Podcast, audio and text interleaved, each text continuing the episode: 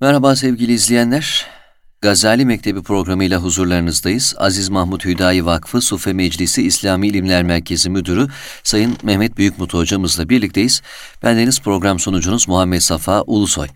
Aziz dinleyenlerimiz geçtiğimiz bölümlerde kıymetli hocamız Gazali'nin hakikati arayanları dört gruba ayırdığını ifade etmişlerdi. Bunlar kelamcılar, batıniler, felsefeciler ve Sufiler olmak üzere dört sınıf idi. Geçtiğimiz hafta itibarıyla batınilik konusu üzerine kıymetli hocamla bir bölüm kaydettik ve devamla felsefeciler bu gruptan felsefecilerle alakalı olmak kaydıyla bu programı sürdüreceğiz inşallah. Ama öncesinde kıymetli hocam Gazali'nin felsefeyle alakasıyla bir girizgah evet. yapabiliriz belki. Bunun üzerine de Gazali'nin felsefecilere ve felsefeye yaklaşımı nasıldır diye bir soru yönelsem neler söylersiniz? Bismillahirrahmanirrahim. Elhamdülillahi Rabbil alemin ve salatu ve selamu ala Resulina Muhammed ve ala alihi ve sahbihi ecma'in ve ba'd.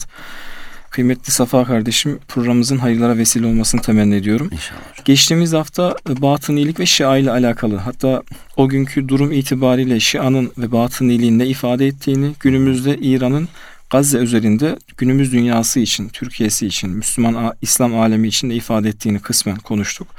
Gazali'nin Şia ve batını ile alakası daha çok devlet bürokrasisinin, devlet felsefesinin durumuyla alakalı bir irtibat idi. Çünkü doğduğu yer, yetiştiği ortam ve görev aldığı mekanizma, bürokrasi daha çok batınilerle karşı karşıya olduğu için devletin hem sahadaki orduları hem de ilim ordusunun Batınilerden Fatımi Devleti'nin kurmuş olduğu Ezher Üniversitesi özelinde Nizamül Mülk'ün e, bunlara karşı kurmuş olduğu nizamiye medreseleri çerçevesinde bir irtibatı vardı Gazali rahmetullahi aleyhin.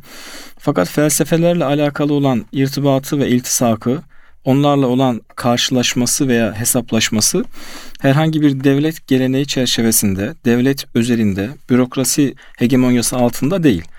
Bu tamamıyla bizim İslam alemindeki o günkü kelamcıların e, veya ortaya konmuş olan kelam eserlerinin felsefecilerin yazmış olduğu eserlere çoğu zaman cevap verememesinden kaynaklanıyor. Bu da şundan kaynaklanıyor. E, yani arka planda şu vardır. İslam'ın ve İslami delillerin, altyapının, tefekkür dünyamızın, hikmet arayışımızın felsefeyle rekabet edeme işinden kaynaklanmıyor.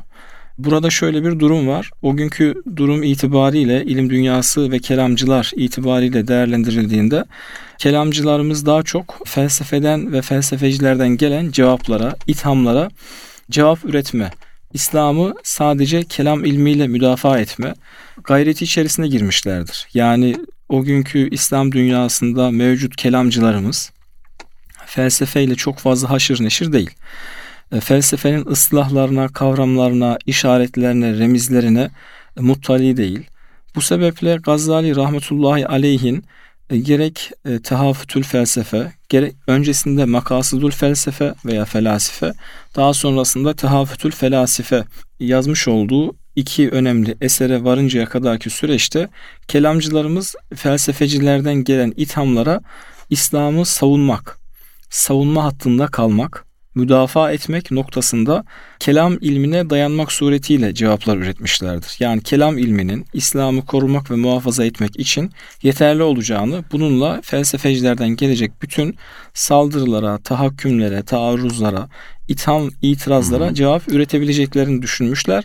Tabiri caizse kelam ilmi o günkü dönem itibariyle kelamcılarımızda İslam felsefesi gibi daha evet. çok değerlendirilmiş. Yani benim de aklıma şu geldi. Kelam ve felsefenin yöntemi ve metodu benzer mi ki e, birbiriyle kıyaslanıyor ya da işte biri savunma mekanizması oluyor?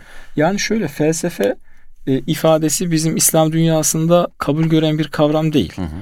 Çok da hoş karşılanmaz. Yani belki geçmişteki rezervlerden dolayı, hı hı.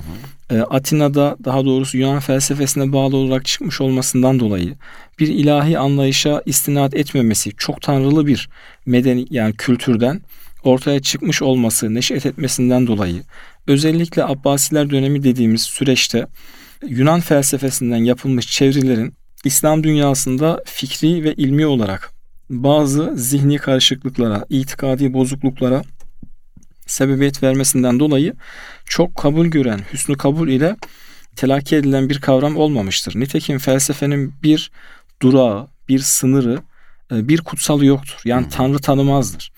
Bu şu demektir. Yani kötü olan esasında felsefe değil, felsefecilerin veya felsefeyle iştigal ederek bir fikir harmonisi ortaya koyan kimselerin felsefeden hareketle kutsal tanımayacak surette haşa Allah Teala'nın zatıyla da alakalı olarak gerek mevcudiyetiyle, gerek uluhiyetiyle, gerek tevhidiyle varlık ve birliğiyle alakalı kabulü mümkün olmayan fikirler ortaya koymuş olmasından dolayı çok fazla bu kavram bile hüsnü kabul görmemiştir. Fakat felsefenin yani şunu sormak gerekiyor belki konuşmak lazım. Kötü olan felsefenin kendisi midir yoksa felsefeyi kullanmak suretiyle itikadi sapkınlıklara veren felsefeciler midir? Mesela Müslüman olmasına rağmen bugün kelamı kullanmak suretiyle kelam ilmini kullanmak suretiyle e, İslam dairesinden çıkanlar yok değil mi? Fa- sayılamayacak kadar fazla. Hı hı. Fıkıh ilmine vakıf olmasına rağmen yani İslam fıkhına, İslam hukukuna vakıf olmasına rağmen burada haşa reddettiği ve inkar ettik, ettiği şeyler sebebiyle işte had cezası ile alakalı olarak kat'i bir deliyle dayanmasına rağmen şunu kabul etmiyorum diyerek fıkıhçı olmasına rağmen e, dinden haşa çıkma sınırlarına gelen tefsir ilmiyle iştigal etmesine rağmen bazı ayetlerle alakalı olarak ileri sürdüğü görüşlerinden dolayı İslam dairesinden çıkan ki bugün çok meşhur kimseler de var bu şekilde konuşanlar içerisinde. İlahiyatta veya İslami ilimler fakültelerinde hoca olup tefsir ana bilim tefsir bilim dallarında profesör olup ileri geri konuşmuş olması sebebiyle bazı noktalarda İslam dairesinde tabiri caizse tutmak için çırpındığımız ama kendisinin de çıkmak için çırpındığı hmm. çok kimse var. Dolayısıyla biz şimdi bu kimselerin yaptığı işten dolayı fıkıh kötüdür, tefsir kötüdür, hadis kötüdür diyebilir miyiz? Hayır. Bu şuna benzer. Fizik ve kimya özü itibariyle hani bir motto var ya bütün ilimler ve bütün kitaplar tek bir kitabı ve Allah Teala'yı anlamak içindir. Yani kevni ayetlerden bahsediyoruz. Kur'an-ı Kerim vahyolunan ayetler. Allah Teala'nın Cebrail aleyhisselam vasıtasıyla Cenab-ı Peygamber aleyhissalatu vesselama nazil buyurduğu ayetler. Bir de kevni ayetler var. Allah Teala'nın kul siru fil art diyor mesela. Yeryüzünde gezin, ibret nazarıyla bakın. Bak. Ki nazar demek sadece bakmak demek değildir. Hı hı. Nazar biz Türkçe'de de nazar diyoruz. Nazar değdi diyoruz mesela. Görüşü dokundu. Çok kötü bir niyetle baktığı için e, böyle bir şey oldu diyoruz. Hadis-i şeriflere hakeza nazar konu olmuştur. Fakat nazarın tek anlamı e, bakmak değildir. Düşünmektir, tefekkür etmektir. Nazar. Allah Teala kul siru fil ardı fenzuru. Yeryüzünde gezin ve bakın. Yani böyle abus bir çehreyle bakın etrafı seyredin. Turist gibi gezin. Çekeceğiniz fotoğraflar arşivleyin. Sonrasında da yad edin demiyor. Buraları gezin ve ibret, ibret nazarıyla bakın ki her bir bakışınız, her bir ibretiniz e, sizi Allah Teala'nın Halik'i mutlak olduğuna, yegane kudret ve kuvvet sahibi olduğuna götürsün diyor. Şimdi biz fizik ve kimya ilimleri hakikat itibariyle Allah Teala'nın yeryüzünde bütün kainatta ortaya koymuş olduğu ilahi nizamı ve sanatı görmemize vesile olabilecekken bugün kimya ilmini kullanmak suretiyle yapılan atom bombası birçok insanı katletmesinden hareketle kimyanın kötü olduğunu söyleyemeyiz. En basit bir örnek çok e, bariz bir analoji olarak söyleniyor mesela. Bıçak kullanan kişinin maksat ve niyetine göre e, değişkenlik gösteren bir alet. Kasabın eline geçer, et keser. Ev hanımının eline geçer, yemek yapar ama katilin eline geçer. Allah korusun bir insanın canına kıyar. Şimdi biz buradan kullanan kişilerin maksadından hareketle bu alet ve edevatın ilimler de dahil olmak üzere kötü veya iyi olarak tavsiye ettiğimiz zaman bir tutarsızlık ortaya koymuş oluyoruz. O yüzden felsefenin özü itibariyle ne olduğunu Gazali tamamıyla anladıktan sonra kavramlarına, ıslahlarına, maksatlarına, mebadisi dediğimiz unsur ve prensiplerine vakıf ve muttali olduktan sonra önce Makasulu Felasife isminde bir kitap yazıyor. Hani oraya evet. biraz daha ileride belki geleceğiz. Hı hı. Önce felsefecilerin maksatlarını Maksadı. anlayalım. Ki kendi ifadesiyle El Münkiz Minat Dalal'de diyor ki mesela bir kimse herhangi bir ilimde konuşacaksa o kişinin o ilmin orta halli bir vasat haline gelebilmesi için o ilimdeki en yetkin kimsenin kıvamına gelecek şekilde bir okuma yapması, bir altyapı alması gerekir diyor. Bu ne demektir? Bu şu demek. Şayet bir kimse bir konuyla alakalı ret ve kabul çerçevesinde konuşacaksa hamaset yapamaz. Ben hocamdan duyduğum için bu kötüdür evet. diyemez. Keyfi ben, bir inkar. Keyfi bir inkar olmaz. ve keyfi kabul olmaz. Hani Allah Teala e, imanımızla alakalı olarak dahi tahkiki imanı emrediyor bize. E, biz önce taklidi imanla başlıyoruz. Yani doğduktan sonra anamızdan, babamızdan yani hadis-i şerifte kul kullu mevludin yulet alel fıtra. Doğan her bir kimse fıtrat üzere. Yani İslam fıtratı üzere doğar. Fakat bunun ana babası Hristiyansa Hristiyanlaştırır, Yahudi ise Yahudileştirir buyuruyor. Bu sebeple biz taklidi imanla yani ana babamızdan gördüğümüz, hoca mektebi, mektebinden öğrendiğimiz, dedemiz veya babaannelerimizden öğrendiğimiz imanla gözümüzü açıyoruz. Belli bir kıvama yani bali oluncaya kadarki sürece geliyoruz. Sonrasında kendi tahkiki imanımızla ihtiyari ve iradi. Yani ben babanın imanını iman etmiyorum babamın imanını iman etmiyorum. Artık diyoruz ki biz kelime-i şehadeti söylerken, kelime-i tevhidi kail olurken ben bizzat Allah Teala'nın varlığını biliyorum.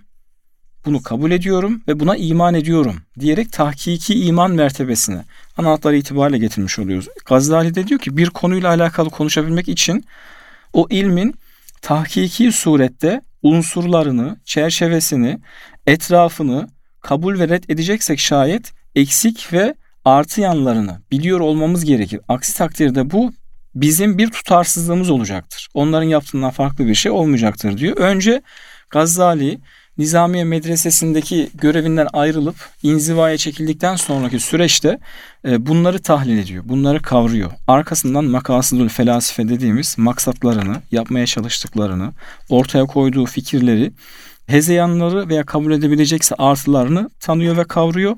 Burada yine bir saldırı yok felsefecilere. Felsefecilerin iyi veya kötü yanlarıyla alakalı bir demeç, bir yaklaşım yok. Sadece ve sadece bu süreç felsefeyi anlama sürecidir. Gazali'nin. Arkasından ikinci bir eseri yazdıktan sonra o tehafütül felasife dediğimiz Türkçe'ye daha çok felsefecilerin tutarsızlıkları diye tercüme ediliyor. Hani yani, ona da belki geleceğiz. E, Tutarsızlık maksat, e, makasidül felsefede e, felsefenin maksadını anlamaya çalışıyor.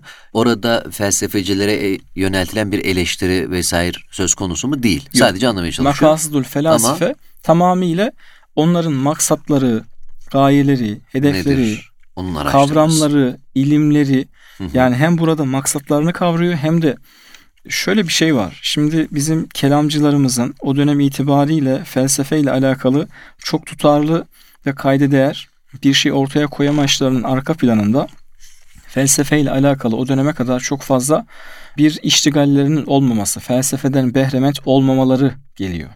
Yani o bunun sebepleri arasında acaba çeviri faaliyetlerinin yetersiz olması mı, kitapların az olması mı yoksa yöntemleri kelam ve felsefe çünkü yakın ilimler sanki. Hı hı. Bu temelde ayrı disiplinler ve anlamakta zorluk çekiliyor gibi bir şey mi var yoksa o ilim o coğrafyaya aktarılması noktasında bir problem mi vardı yani o dönem için? Felsefenin Niçin teveccüh göstermemiş? Şöyle, şimdi biz daha çok İslam ilimlerde şu kavramları kullanıyoruz. Diyoruz ki selef ulemasının yöntemi eslem.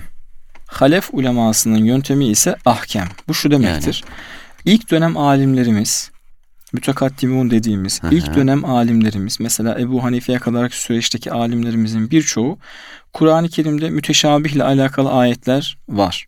Evet. Veya mücmel ayetler var. Yani bunlar bizim akli olarak herhangi bir delil olmadığında akli olarak vakıf olamayacağımız, üzerine hüküm bina edemeyeceğimiz, anlayıp kavrayamayacağımız ayetin ayetle veya Cenab-ı Peygamber'in hadisiyle açıklanmadığı müddetçe, izah edilmediği müddetçe, muhkem hale getirilmediği sürece e, hakkında fikir sahibi olamayacağımız salt olarak iman etmemiz gereken ayetlerdir. Hı. Selef uleması bununla alakalı yedullahi fevka eydihim. Evet. Allah'ın eli onların elinin üzerindedir. Şimdi bu müteşabih bir ayet. Burada kastedilen şey hani kudrettir, kuvvettir, Allah Teala'nın yegane hakim ve kuvvet sahibi olmasıdır. Bu bir tevildir bakınız. Hı hı. Müteşabih Fakat, ayetten çok özür dilerim. Müteşabih ayeti de e, ifade edip öyle devam edelim hocam. Müteşabih ayet şu demektir.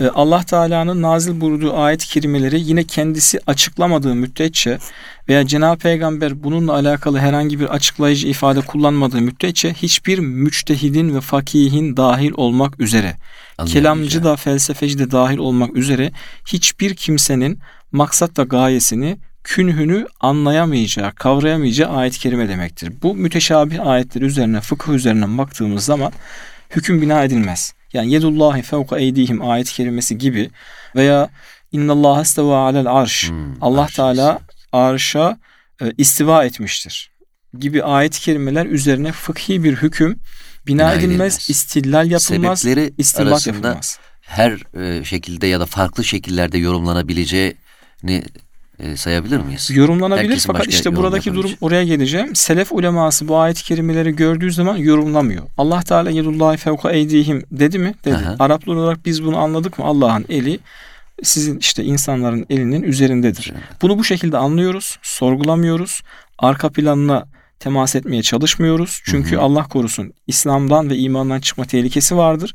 Salt olarak semiyana ve atana işittik, itaat ettik ve iman ettik diyoruz diyor selef uleması. Fakat sonraki dönemlerde özellikle çeviri faaliyetleri dediğimiz Yunan felsefesinden bazı metinler çevrildikten İslam'ın fetihlerle beraber farklı coğrafyalara gitmesinden sonra farklı kimselerle karşılaşıldığı için artık bu itirazlara ya yedullahi fevka eydihim diyorsunuz ama bizim de tanrımız var, tanrılarımız var hatta.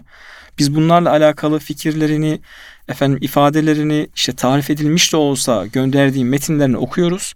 Hermenötik dediğimiz ilimdir bu esasında. Hı hı. Tanrıların metinlerini okumaya ve anlamaya çalışma gayreti kabahatlarıyla.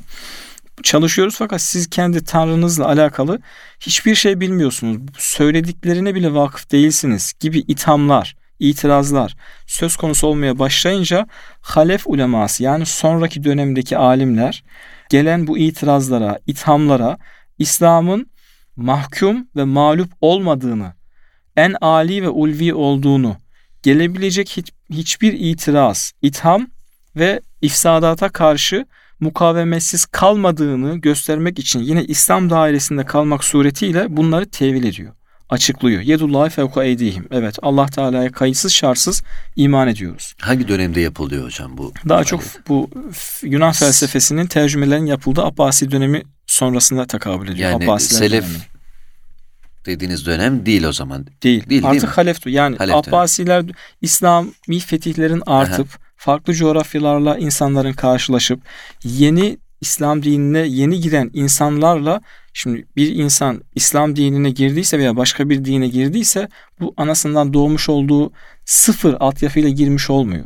Mevcut müktesebatı yani tabiri caizse rezerviyle beraber yeni dine giriyor eski alışkanlıkları ve ideolojisindeki yani inanışındaki soru ve sorunlarla beraber yeni inanışını sorgulamaya, eski sorularına yeni dininde cevaplar bulmaya çalışıyor.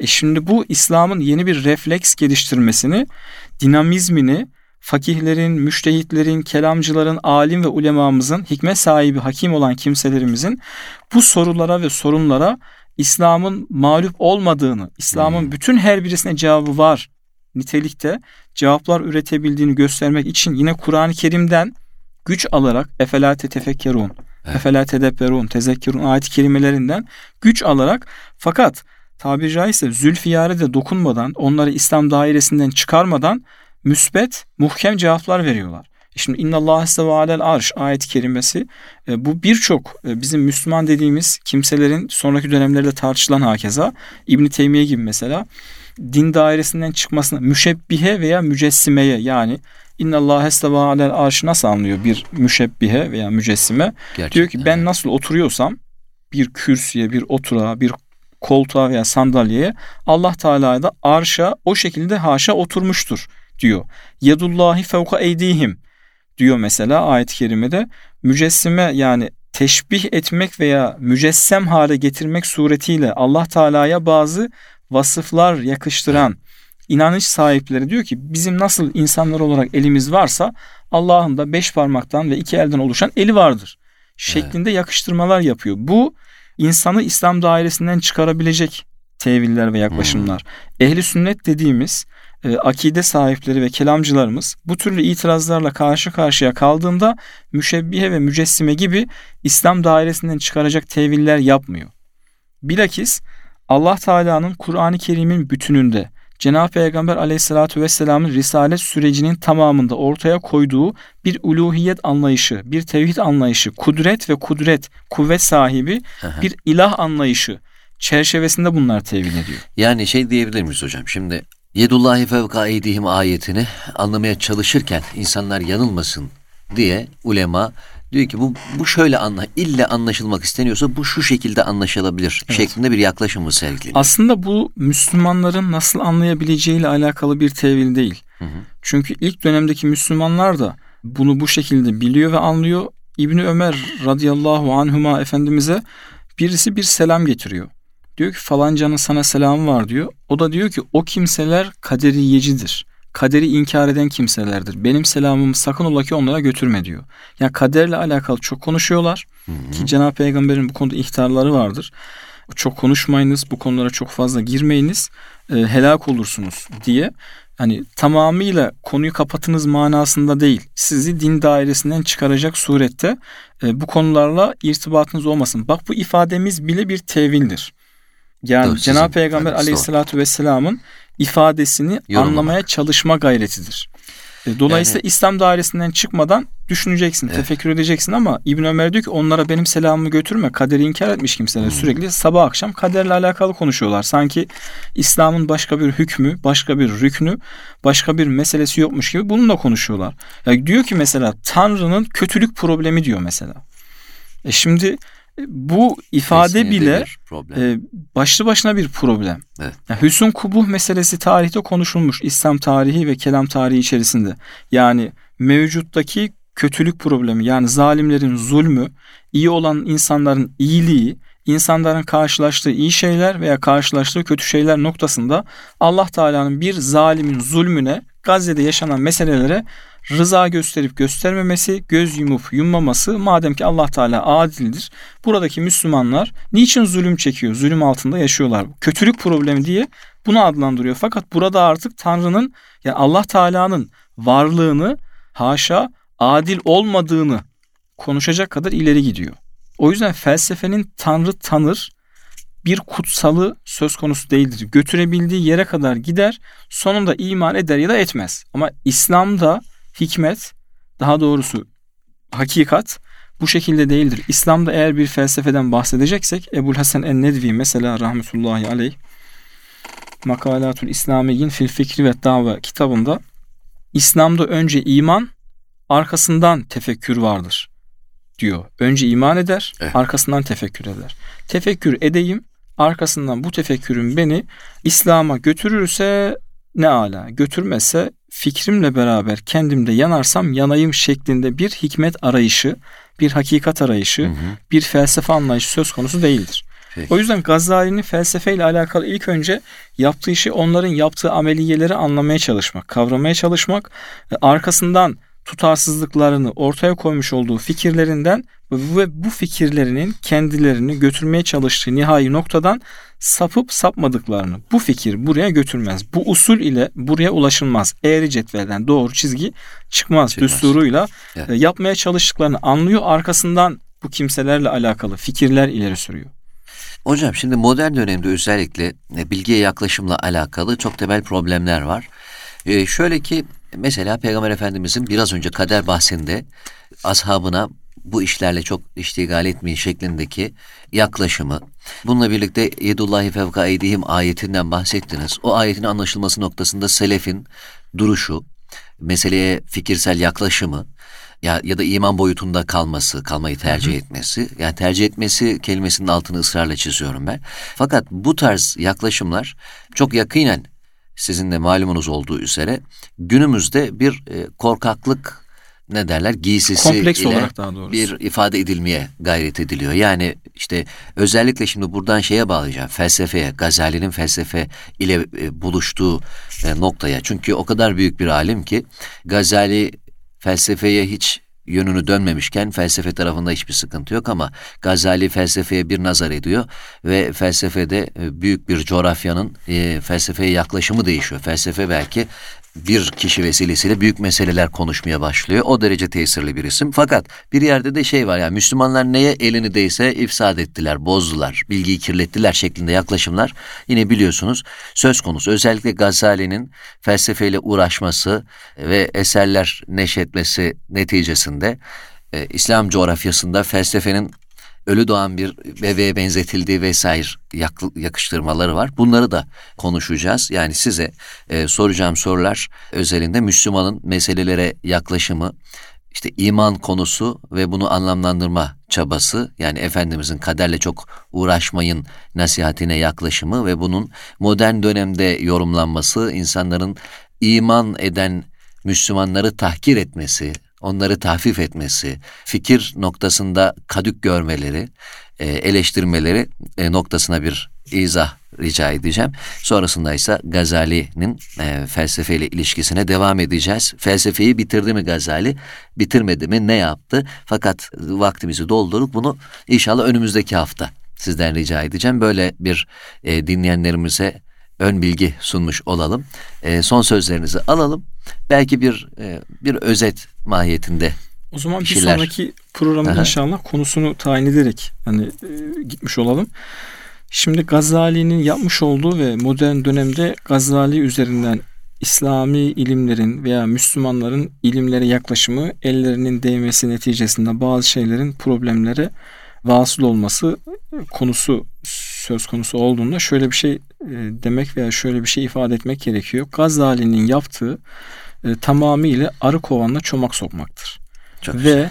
Gazali tabiri caizse önce makasudul felasife arkasından tehafütül felasife yazmak suretiyle e, kim ne derse desin, ne şekilde inkar ederse etsin bu bariz bir hakikattir, reddi kabil değildir. Felsefecilerin ipliğini pazara çıkarıyor. Hmm. Buradan evet. hareketle hiç kimse mevcut ilerleyişin yani rahat alanının herkesin kendine göre oluşturduğu konfor alanının kimse bozulmasını istemez. Gazali biraz rahat kaçırıyor. Rahatlarını bozuyor. Konfor alanlarını ve mahrem sınırlarını aşmaya çalışıyor. Sizin burada koyduğunuz şey insanların anlaması ve anlaşılması için ortaya koyduğunuz fikirler değildir. El Munkiz Minnet Dalal'de diyor ki mesela felsefeciler felsefeyle alakalı ifadelerini öyle girift, anlaşılmaz, kapalı, muğlak, müphem, sadece kendilerinin anlayabileceği bir dille yazdılar. Neticesinde insanlar yazdıklarımızı biz olmadan anlayamasın. Biz kendi maksadımızı anlatmadan kavrayamasın. Bununla alakalı bir söz söyleyemesin. Önünde sonunda bizim dediklerimize, hegemonyamıza, mevcudiyetimize ve kudret alanımıza mahkum olsunlar. Şeklinde bir eser ortaya koydu. Eserler ortaya koydu Dolayısıyla insanlar ve bizim kelamcılarımız da dahil olmak üzere birçok kimse e, bu alana, bu sınırlara, e, bu rahat ve konfor alanına yaklaşamadı. Yaklaştığı zaman çok fazla bir behrement olmadığı için bu konularla alakalı herhangi bir şeye muttali olamadı. O yüzden Ebul Hasan Ennedvi mesela Gazali ile alakalı şunu söylüyor. İmanı öylesine muhkem, yazısı ve üslubu öylesine rakik ve anlaşılır ve aynı zamanda dakik, ince, hassas ki kelam gibi girift bir ilmi bile sahip olduğu muhkem ilmi ve kalem ve kelamındaki rakik üslubuyla herkesin anlayabileceği surette yani bu ilimle iştigal eden her bir kimsenin anlayabileceği surette basit ve bariz hale getiriliyor. Bu ne demektir? Bu anlaşılmayalım, anlaşılacaksak bizim otoritemiz kabul edilsin biz anlatalım diyen bir otorite. mevki otorite sahiplerinin ipliğini pazara çıkarmaktır. Evet. Gazali'nin eğer bir kötülüğü varsa onların vermiş olduğu bir unvandır bu. Hı. En büyük onlar açısından kötülüğü ve İslam alemi, İslami ilimler ve felsefe bilgisi için ortaya koymuş olduğu müktesebatı tamamıyla ipliğini pazara çıkarmak. Aslında bu sadece fil dişi kulelerinden onların kestiği ahkam ile ortaya konulabilecek bir hakikat arayışı değil, felsefe İslami dairede kalmak suretiyle sadece kavramlarını ve nihai olarak götürdüğü maksadı kestirerek ve buna riayet ederek Müslümanların da yapabileceği ve anlayabileceği bir uğraş alanıdır Hı hı. diyerek Peki. ipliğini pazara çıkarıyor. Herkesin ulaşımına, e, erişimine açar hale geliyor. Peki. Çok teşekkür ediyoruz hocam. Burada noktalayacağız. Önümüzdeki hafta inşallah kaldığımız yerden devam edeceğiz diyelim. Aziz dinleyenlerimiz Gazali Mektebi'nin bu haftada sonuna geldik. Aziz Mahmut Hüdayi Vakfı Sufe Meclisi İslami İlimler Merkezi Müdürü Sayın Mehmet Büyükmutlu hocamızla birlikteydik. Bir sonraki program tekrar görüşebilmek ümidiyle. Hoşçakalın efendim.